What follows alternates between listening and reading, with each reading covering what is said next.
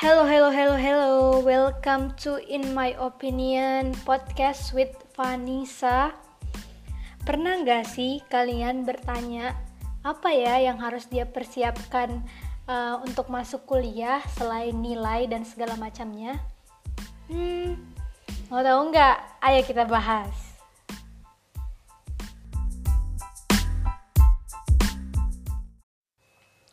Oke, kiat-kiat supaya tidak kagok masuk kuliah untuk maba. Asik. Oke, uh, aku bagi empat bagian. Yang pertama itu circle pertemanan, kedua organisasi, ketiga pergaulan, dan keempat adalah nilai, dosen, dan senioritas. Jadi kita bahas yang pertama. Circle pertemanan. Di circle pertemanan di kuliah, uh, apa ya, nggak jauh beda lah sama di SMA. Uh, di cuman orang-orang di perkuliahan lebih lebih apa ya lebih banyak macam gitu. Jadi kamu ada banyak pilihan buat mau temenan sama siapa. Tips aku kalau tips aku untuk di semester awal kamu harus puas-puasin kenalan sama orang. Banyak-banyakin lah kenalan. E, karena dari kenalan itu kamu bisa bisa tahu yang mana yang mana teman yang sesuai dengan prinsip kamu. Dan kalau kamu pilih teman harus bisa membawa keuntungan juga bagi kamu. Jangan asal temenan aja. E, kamu harus cari teman yang bisa e, simbiosis mutualisme. Kamu bisa bantu dia dia bisa bantu kamu. Ya begitulah di circle pertemanan di perkuliahan. Nah kalau kalau kamu kalau dari awal sampai akhir akhir perkuliahan kamu tidak ada teman dekat yang gak apa-apa juga sih. Uh, santai aja. Cuman lebih enaknya kalau ada teman dekat bisa curhat-curhat bisa bagi masalah bisa uh, apa ya senang-senang sama teman. Nah cuman kalau semakin ke sini dari senior dari senior aku nih yang ngomong semakin tinggi semester kamu semakin sedikit apa ya, semakin ke, semakin kecil dan semakin sedikit pertemanan kamu jadi jarang jadi, jadi jarang kumpul kayak gitulah. Terus yang kedua adalah organisasi. Organisasi di perkuliahan itu saking banyaknya kamu eh, saking banyaknya kamu harus berhati-hati dalam memilih karena e, di kampus itu sebagian organisasi ada yang apa ya yang hmm, organisasi yang apa ya yang pemikiran kiri apa ya pemikiran kiri gimana ya cara cara ngebahasinnya? Pokoknya organisasi yang radikal lah. Nah biasanya organisasi itu biasa organisasi-organisasi keagamaan. Nah jadi tips aku kalau kamu mau hmm, ikut organisasi cari organisasi yang damp dampaknya baik sama kamu. Jangan kayak ikut organisasi tapi tidak ada yang bisa kamu uh, petik dari situ. Uh, pokoknya kalau aku sih saran aja lebih hati-hati kalau organisasi keagamaan. Selanjutnya uh, organisasi itu menjadi salah satu hal yang penting selama kamu kuliah karena pengalaman organisasi itu bisa menjadi salah satu penunjang kamu di CV kalau misalnya kamu mau kerja atau mau magang gitu. Uh, kalau misalnya kamu enggak apa ya enggak tertarik dengan organisasi kampus bisa juga kok organisasi di luar kampus. Tapi kalau di organisasi di luar kampus itu lebih apa ya? Maksudnya uh, maksudnya itu lebih kalau aku sih lebih lebih apa ya? Lebih berbahaya lebih berbahaya. Bukan juga sih lebih berbahaya tapi lebih enak di dalam kampus lah. Nah kalau misalnya kamu nggak ada nggak bisa nggak bisa nggak suka ikut organisasi nggak nggak bisa uh, ngikut satu yang uh, sesuatu yang terikat kamu bisa ikut volunteer volunteer. Nah volunteernya itu bisa apa ya bisa macam-macam lah. Mau mau uh, Isaac lah mau apa lagi ya, mau volunteer acara di kota kamu mau volunteer di di fakultas kamu di universitas kamu banyak banget yang bisa kamu uh, yang bisa kamu apa bisa explore buat penunjang CV kamu. Yang selanjutnya adalah pergaulan. Nah pergaulan di perkuliahan itu uh, sangat-sangat bebas. Uh, kam, ka, uh, kamu nggak bisa dilarang sama orang tua. Nggak ada yang bisa apa ya nggak ada yang bisa tahan-tahan kamu. Cuman diri kamu yang harus mengontrol, mengontrol. Di perkuliahan itu apa ya uh, pergaul pergaulannya itu kal gini kalau kamu dari kota pergaulan pergaulan di perkuliahan itu mungkin akan menjadi hal yang biasa aja. Cuman kalau kamu yang berasal dari daerah atau dari sorry dari desa, mungkin kamu agak kaget dengan pergaulan di di di kampus karena pergaulan di kampus itu kayak seks, narkoba, alkohol itu semua menjadi hal yang hal yang lumrah. Jadi jangan jangan kaget kalau misalnya teman kamu ada yang uh, alkohol tiap malam kan tiap malam sih ya kayak kalau weekend uh, ada yang udah pernah seks ada yang udah pernah coba narkoba menurut aku sih ya, itu yang menjadi hal yang rumah lumrah cuman ya kalau kamu tahu ada teman kamu yang salah satunya begitu nggak usah diumbar-umbar lah biar biarkanlah jadi urusannya dia sendiri kamu ya kamu dia ya dia Cuman sebaiknya kamu jangan ikuti yang negatifnya. Kalau kamu mau ikut sih ya terserah kamu ya. Terus selanjutnya tanggung jawab sama apa yang kamu lakukan. Karena kamu nggak bisa apa ya udah dewasa juga kan udah kuliah jadi kamu harus bela bela belajar untuk tanggung jawab uh, dari apa yang kamu lakukan. Kayak kamu misalnya uh, alko uh, al uh, alkohol atau narkoba berarti kamu harus bisa bertanggung jawab uh, apa ya tanggung jawab da dari uh, hal yang kamu lakuin itu.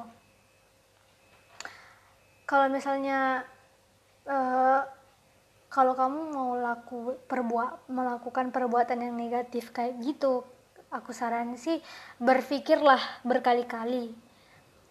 Kalau kalau udah berpikir berkali-kali ya berarti kamu harus juga bertanggung jawab kan? Jadi pergaulan di perkuliahan itu dari kamunya aja yang bisa memfilter yang mana yang baik yang mana yang buruk. Tapi kalau kamu yang mau ikut yang buruk ya nggak apa-apa juga sih. Ya kamu kan yang merasakan gitu. Terus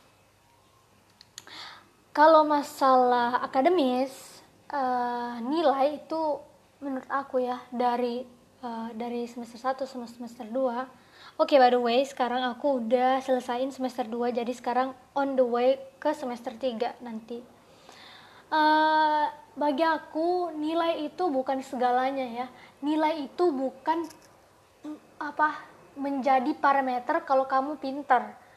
Menurut aku, semua orang itu pintar, apalagi yang kuliah bisa sampai ke maksudnya bisa sampai ke jenjang perkuliahan itu pasti pintar nah pintar itu bukan cuma di bidang akademis aja. Pintar itu uh, ada juga di bidang non akademis kayak aku aku punya teman uh, dia nggak terlalu pintar di bidang akademis tapi dia pintar di bidang uh, kreativitas kreativitas uh, bisnis uh, pokoknya segala macam lah yang bukan bersifat akademis. Terus kalau um, teman aku yang pintarnya di akademis ya nggak apa ya ya pintar di akademis saja bukan dipintar di, di di kekreatifan. Pokoknya semua orang tuh pin, pintar di bidangnya masing-masing cerdas di bidangnya masing-masing. Terus yang kedua itu uh, selanjutnya uh, the kalau mau dapat apa ya maksudnya tuh kalau kamu mau uh, mas uh, apa lagi masa perkuliahannya mulus-mulus aja Sara aku saranin dekatlah dengan dosen.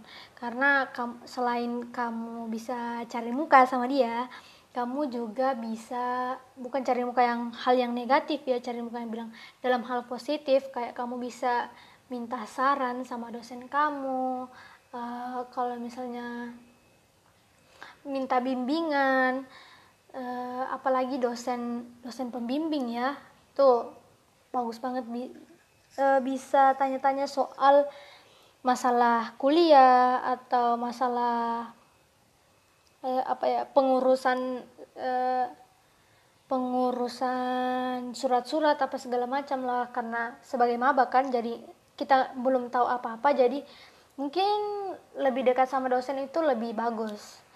Terus masalah senioritas. Menurut aku ya senior uh, senioritas itu tergantung dari jurusan fakultas masing-masing dan universitas masing-masing kalau aku di jurusan aku di di hubungan internasional senioritas itu nggak ada ya. Semuanya sama. Tapi tetap kita saling menghormati. Jangan jangan kurang ajar lah mentang-mentang mentang-mentang kita kita tidak ada senioritas tapi kurang ajar sama yang di atas kita itu juga menjadi masalah. Uh, ada beberapa jurusan yang ya, yang punya senioritas yang tinggi banget. It, salah satunya itu teknik uh, apa lagi ya? Teknik bagi aku salah satu teknik di di universitas aku dan salah satu universitas yang teman aku tahu. Nggak tahu sih kalau yang lain. Terus uh, apa lagi ya jurusan? Uh, jurusan hmm, MIPA ilmu pengetahuan yang segala macam itu menurut aku aku ya menurut aku sen, ap, ngapain sih gitu uh, menurut aku nih ya ngapain kita uh, melakukan hal-hal yang turun temurun tapi salah? Kan senioritas itu identik dengan uh, membuli adik kelas eh membuli adik angkatan terus pokoknya melakukan hal-hal yang tidak senonoh lah yang tidak sesuai dengan hak asasi manusia seseorang. Jadi menurutku senioritas itu semoga hilang uh, tapi tidak menutup kemungkinan kita juga harus uh, apa ya saling menghormati satu sama lain lah. Uh, jangan maulah diperbodohi sama senior.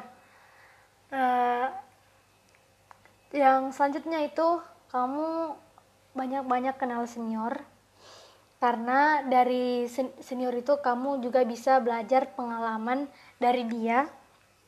Karena dia kan udah e, notabene dia udah lama di di kampus. Jadi kamu bisa apa bisa ngobrol-ngobrol lah sama dia. Mulai dari e, mata kuliah mulai dari nilai e, persiapan masuk kerja. Kalau misalnya kamu uh, dapat senior yang apa ya yang maksudnya semesternya udah tinggi. Contoh aku aku ada se kakak senior yang semester berapa ya? Semester 6 atau 7 jadi dia udah no no no. Semester 5 antara semester 5 6 atau 7 nah dia udah persiapan buat magang. Jadi uh, aku juga tanya-tanya dia gimana gimana caranya magang sih. Uh, e, gimana caranya supaya aku bisa magang di tempat yang aku pengen. Kayak kayak kayak apa ya kayak konsultasi gitulah. Oke itu aja mungkin e, apa kuliah one on one aku kali ini. Semoga ini bermanfaat e, walaupun cuman sedikit semoga bermanfaat.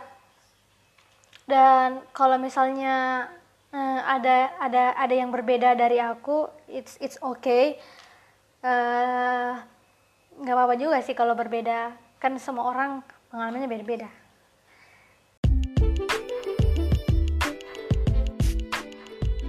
Oke, okay, itu aja.